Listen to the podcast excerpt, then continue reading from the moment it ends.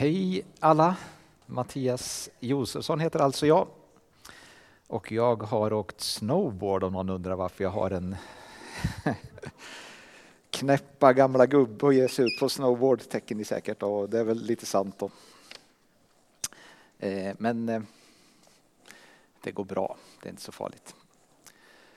Eh, Mattias Josefsson, en av församlingens vanliga medlemmar, jobbar till vardags med företagande och affärsutveckling med fokus på världsförbättrande företagande.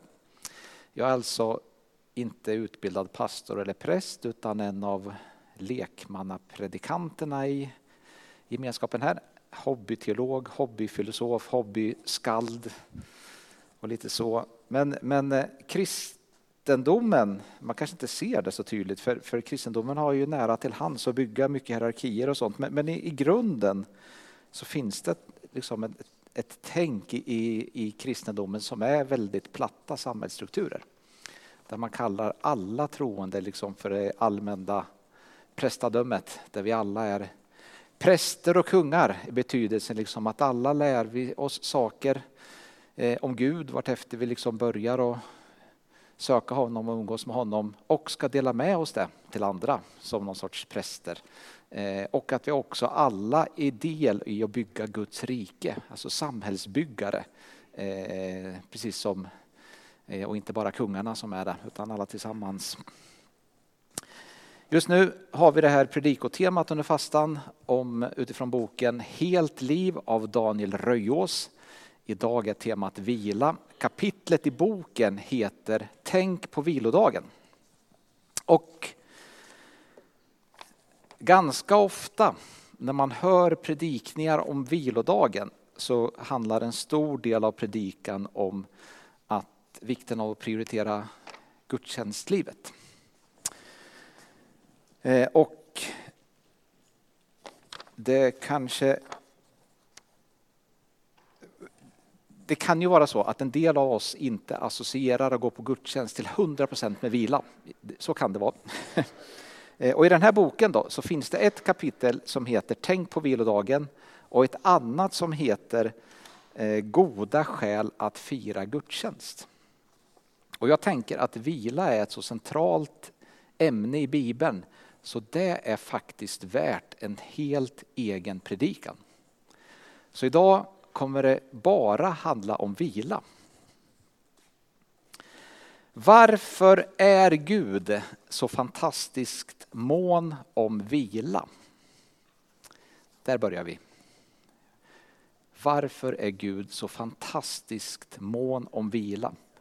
Och det här händer hela tiden i Bibeln, eh, återkommer till det på olika sätt hela tiden. Det här med vila och vilodag lyfts fram redan i skapelseberättelsen. När vi kommer fram till den sjunde dagen så står det att den sjunde dagen hade Gud fullbordat sitt verk och han vilade på den sjunde dagen efter att allt han hade gjort. Gud välsignade den sjunde dagen och gjorde den till en helig dag. Ty på den dagen vilade Gud sedan han utfört sitt skapelseverk.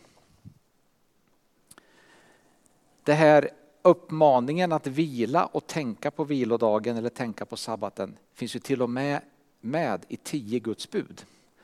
Som om man är troende så tror man ju att det här är de tio viktigaste levnadsreglerna eller livsreglerna på något sätt. Och då kommer det här tänk på vilodagen redan som tredje budet. Och om det är någon sorts prioritetsordning på de här så skulle det här alltså indikera att det är ännu viktigare att vara noga med att ha den här dygnsvilan en gång i veckan. Att det skulle vara ännu värre för oss att inte prioritera det än det skulle vara för oss att stjäla eller begå mord. Men så kan det väl inte vara. Så illa kan det väl inte vara. Eh, skulle det kunna vara liksom så extremt viktigt för oss med vila eh, att Gud sätter det så högt upp i listan så att han vill att vi liksom ska tänka på det eh, nästan liksom ännu mer eh, än vad vi ska tänka på att inte stjäla och inte mörda. Eh, det, svårt att säga liksom, någon gradering här, då, men, men, men det är viktigt att på, liksom, det här är ju ett av de sätten som, som det här ändå eh, flammar upp och blir lite, lite wow, okej, okay. hur, hur och varför är det här med vila så oerhört viktigt och centralt egentligen? Och det är faktiskt så att undervisningen om vilodagen i Bibeln, den är inte bara här utan på andra ställen, den är så radikal så att den kan få människor att ge, sin, ge upp sin ambition att förstå Bibeln. Så var det faktiskt för mig under flera år. Och det var så här, att jag alltid varit intresserad av Bibeln och läst och studerat Bibeln regelbundet på olika sätt. När jag var i 30-årsåldern så bestämde man för att nu är det dags att läsa Bibeln från perm till perm. Så man inte bara läser här och där hela tiden, liksom, att åtminstone en gång har läst hela Bibeln rakt igenom. Så började i första Mosebok, gick förhållandevis lätt. Massa spännande berättelser där om Noas ark, Kain och Abel, Babels torn, sen berättelsen om de första patriarkerna Abraham, Isak och Jakob. Klart det finns liksom mycket att fundera på och reflektera och vad ska man säga, brottas med även där. Eh, sen fortsätter man, men, men är liksom intressant och lättläst. Andra Mosebok börjar också bra. Fortsätter liksom med de här intressanta berättelserna om Israels barn och deras fångenskap eller slaveri under Egypten, befrielsen därifrån, eh, deras vandring genom öknen under ledning av Mose och mottagandet av tio Guds bud. Och sen liksom efter ungefär halva andra Mosebok, då, det är då Mose tar emot tio Guds bud på, på Sinai berg. Och sen då ifrån vers 40, eller kapitel 40 och framåt, så börjar kapitel, eller kapitel 20 och framåt, så börjar kapitel 20 liksom med, eh, med själva tio Guds bud. Och sen fortsätter det kapitel efter kapitel efter kapitel efter kapitel med regler och bud en del begripliga, många väldigt märkliga. Och liksom min, min upplevelse av att sitta och läsa där sida efter sida efter sida gör mig mer och mer förvirrad, mer och mer frustrerad. Och så kommer jag fram till näst sista kapitlet, kapitel 39. Eh, och där läser jag så här. Eller det är inte sista, kapitel 35 tydligen. Sex dagar får arbete utföras. Men på den sjunde dagen är det sabbat. En sabbatsvila helgad åt Herren. Var och en som utför något arbete på den dagen ska dödas.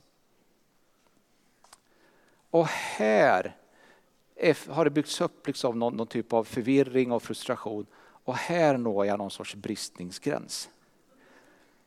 Jag, jag fattar inte. Jag vet inte om ni fattar, men jag fattar inte. Så jag, liksom, jag, jag liksom bara rasar ihop och ropar till Gud. Gud, jag fattar inte. Vad är det här? Eh, när vi följer Jesus så kan vi läsa hur lärjungarna plockar ax på sabbaten och så försvarar Jesus där och säger att människan skapades inte för sabbaten utan människan skapades för sabbaten. Och så säger Gud, genom Mose att om någon utför något arbete på den dagen skall han dödas. Jag fattar inte, hur ska jag förstå ditt ord Gud? Hur går det till? Hur gör man? Är ni med mig? Och det går faktiskt flera år. När, det är inte så att jag lämnar Gud eller någonting, men, men, men, men det här blir ju liksom ändå en, en, en tagg på något sätt. Liksom. Jag fattar inte. Eh, hänger med i kyrkan när jag läser Bibeln liksom, och hittar andra grejer som är bra och så vidare. Men, men det här är något, någonting som hänger med ändå. Flera år senare så hjälper någon mig att förstå tredje budet holistiskt i sin helhet. Och så här lyder det tredje budet som jag hade kört, upp med, kört fast på i sin helhet. Var noga med att hålla sabbatsdagen helig, så som Herren din Gud har befallt dig. Sex dagar ska du arbeta och sköta alla dina sysslor.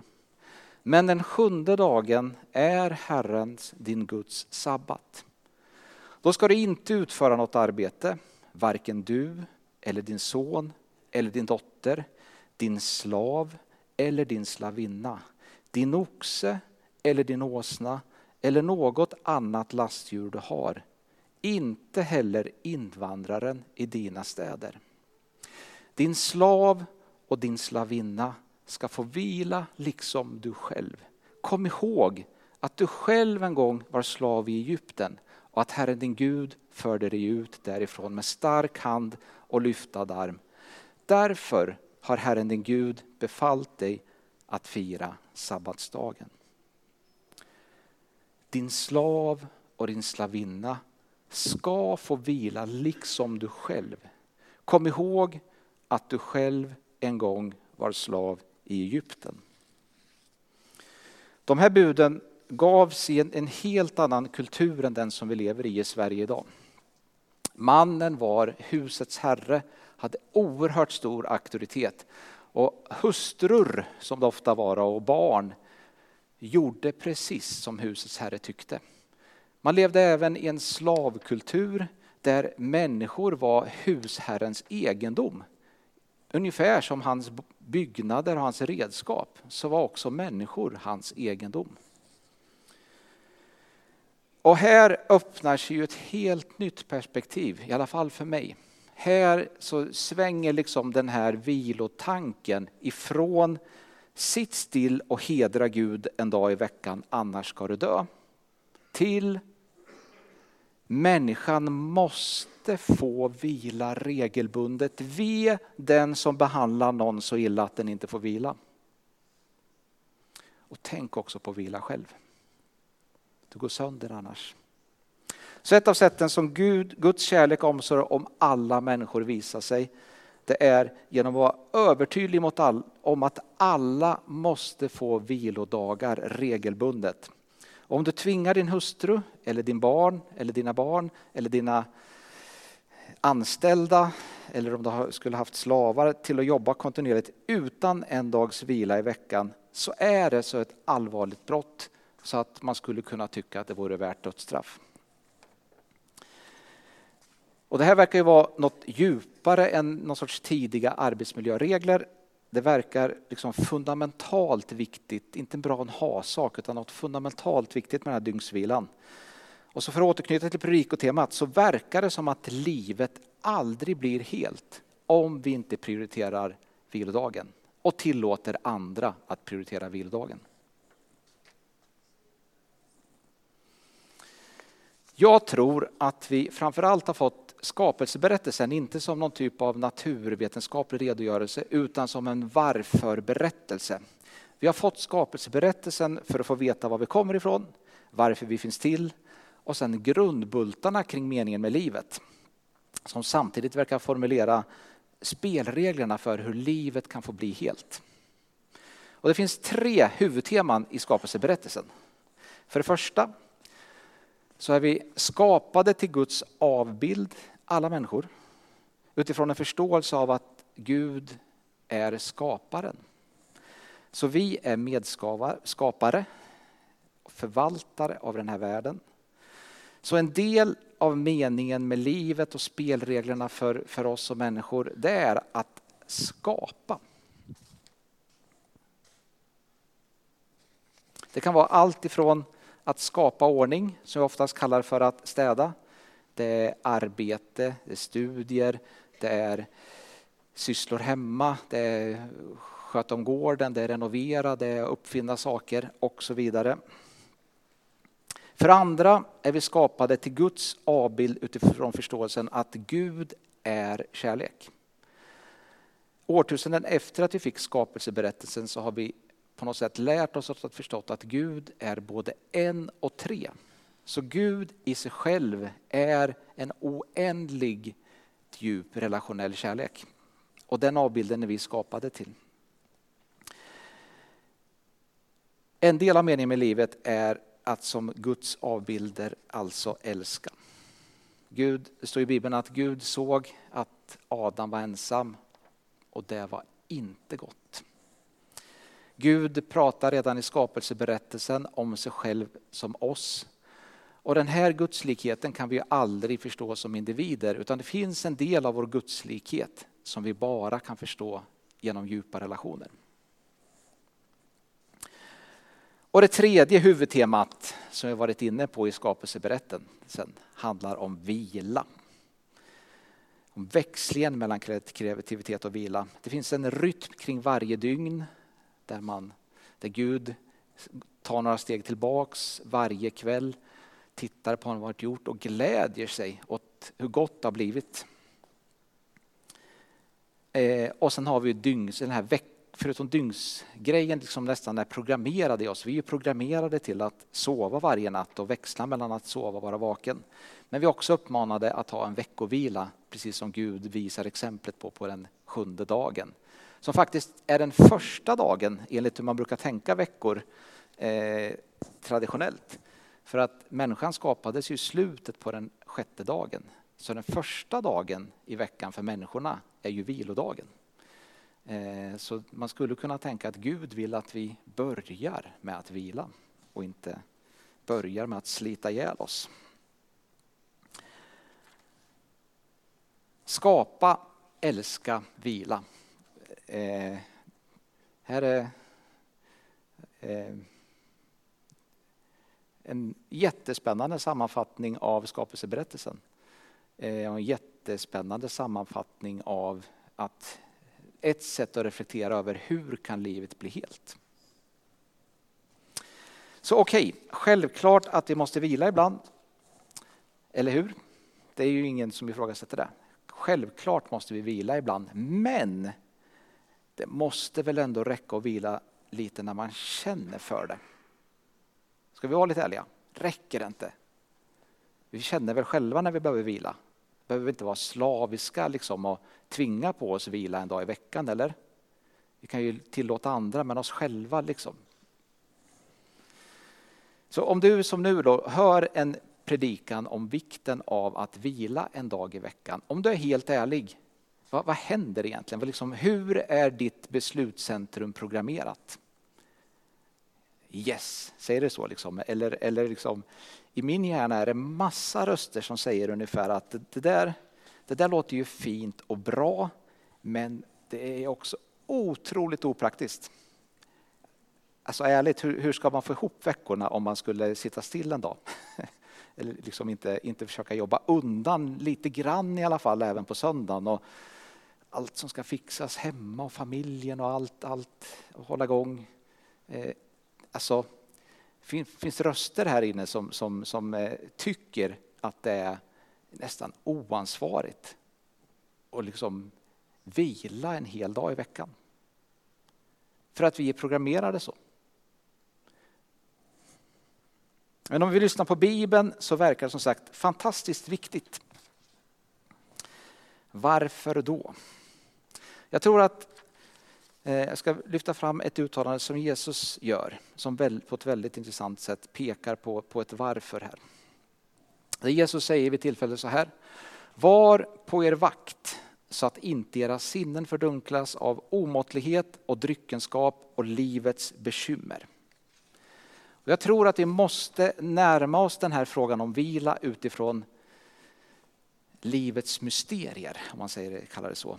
För vi är inte bara en fysisk kropp. Vi tror inte att vi bara är en fysisk kropp. Utan vi, liksom, även om man är en fysisk kropp så tänker vi att det är en massa komplicerade neuroner och kemikalier i hjärnan och sånt. Som, som, som men, men vi tror att vi är ännu mer än så.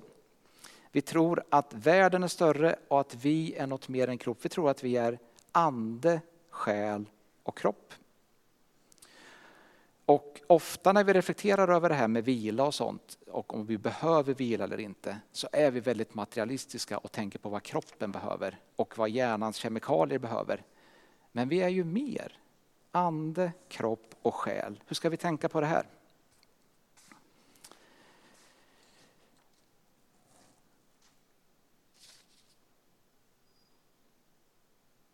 Om vi tänker då att vi inte bara är ande och kropp och Eh, kropp utan även ande och själ så är ju det här ande och själ det som nämns här i form av sinne. Eh, som vi kan kalla medvetande eller liksom, lite alla möjliga ord. Liksom. Det här miraklet eh, som inte ens vetenskapsmännen riktigt fattar vad det är, vad, vad, det är liksom, som vi kallar för medvetande. Och då så bara i förbifarten här då så, så verkar det vara självklart för Jesus att han säger att vårt medvetande det fattar vi att det blir fördunklat och slutar funka speciellt bra om vi häller i oss massa sprit. Det fattar vi. Det, det är check. Eh, det Okej, okay. men sen före och efter så nämner han omåttlighet och livets bekymmer. Som om det på samma sätt skulle fördunkla och, och på något sätt kväva det som, som liksom skulle finnas här inne och som, som, inte är kropp kanske då, utan som är medvetande, som är sinne, som är ande och själ. Eh, och jag tror det här hänger ihop. Jag tror att vi går sönder eh, och att vi fördunklas, att vi kväver en del av det som vi är som en människa, som är något mer än en kropp. Eh, om vi inte följer Guds råd på ett antal områden. Exempelvis på att ta hand om, om den här komplicerade helheten som behöver veckovila. Jag skriver små dikter ibland. Eh, det finns en diktform som heter haiku eh, som liksom man kan använda för att försöka formulera saker som man tycker är viktigt på tre rader. Eh, där det ska vara fem stavelser, sju stavelser, fem stavelser. Ni känner säkert igen det här. Och en, så det kan, det kan vara ett liksom, givande sätt att försöka formulera viktiga saker som man tycker är viktiga. Och en av de här som jag skrev för 12 år sedan har följt med ofta, ofta. Jag har ofta tänkt liksom på, på de här orden jag skrev ner. Som lyder så här. Om du har en själ, kväv den inte, vårda den. Den vet livets väg. Så jag tror att vi har förmågor att lyssna till Gud, lyssna till helheten, förstå massa saker som inte är vanlig intelligens utan som är ett lyssnande som händer i en varelse som är ande, själ och kropp. Eh, och jag tror att vi kan kväva den förmågan att lyssna, kväva liksom den här delen av vår varelse eh, som, som vi inte tänker på i vårt materiella samhälle. Som, som gör att vi missar vad livet var tänkt att vara. Eh, och vi blir halva varelser på något sätt jämfört med hur Gud hade tänkt att vi skulle växa, utvecklas, fungera i relationer, fungera i kärlek, fungera i en positiv kraft i världen och så vidare. Eh.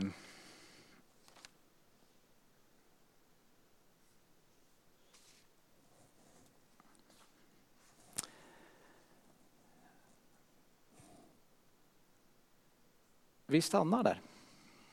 Om, om, om det kan vara sant, det som jag har lyft fram här idag, så skulle jag vilja att du funderar på en sak.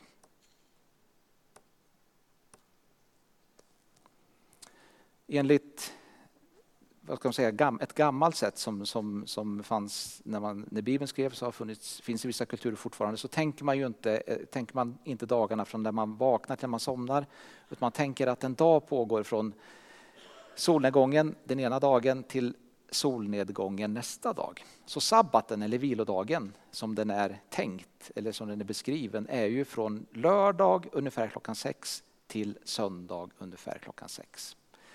Så om du ska tänka på vilodagen eh, och ha en plan och en ambition och liksom någon sorts överlåtelse till hur du skulle vilja att den var. Hur skulle du vilja designa lördag 6 till söndag klockan 6 för vila?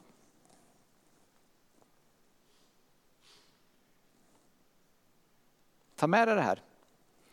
Eh, har du några tankar redan nu så ta med dig det och fortsätt att fundera.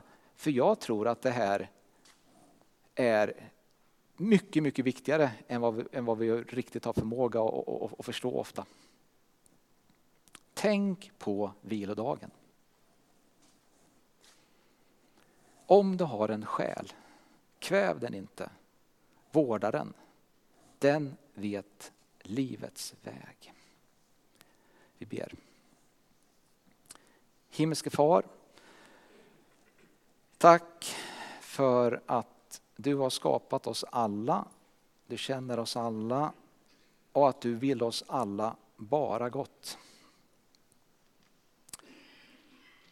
Vi skrapar lite på ytan tror jag av, av det här med vila för att, för att det, det är så främmande för oss på, på många olika sätt i, i, en stressad och väldigt accelererad tidsanda. Undervisa oss, hjälp oss, lär oss.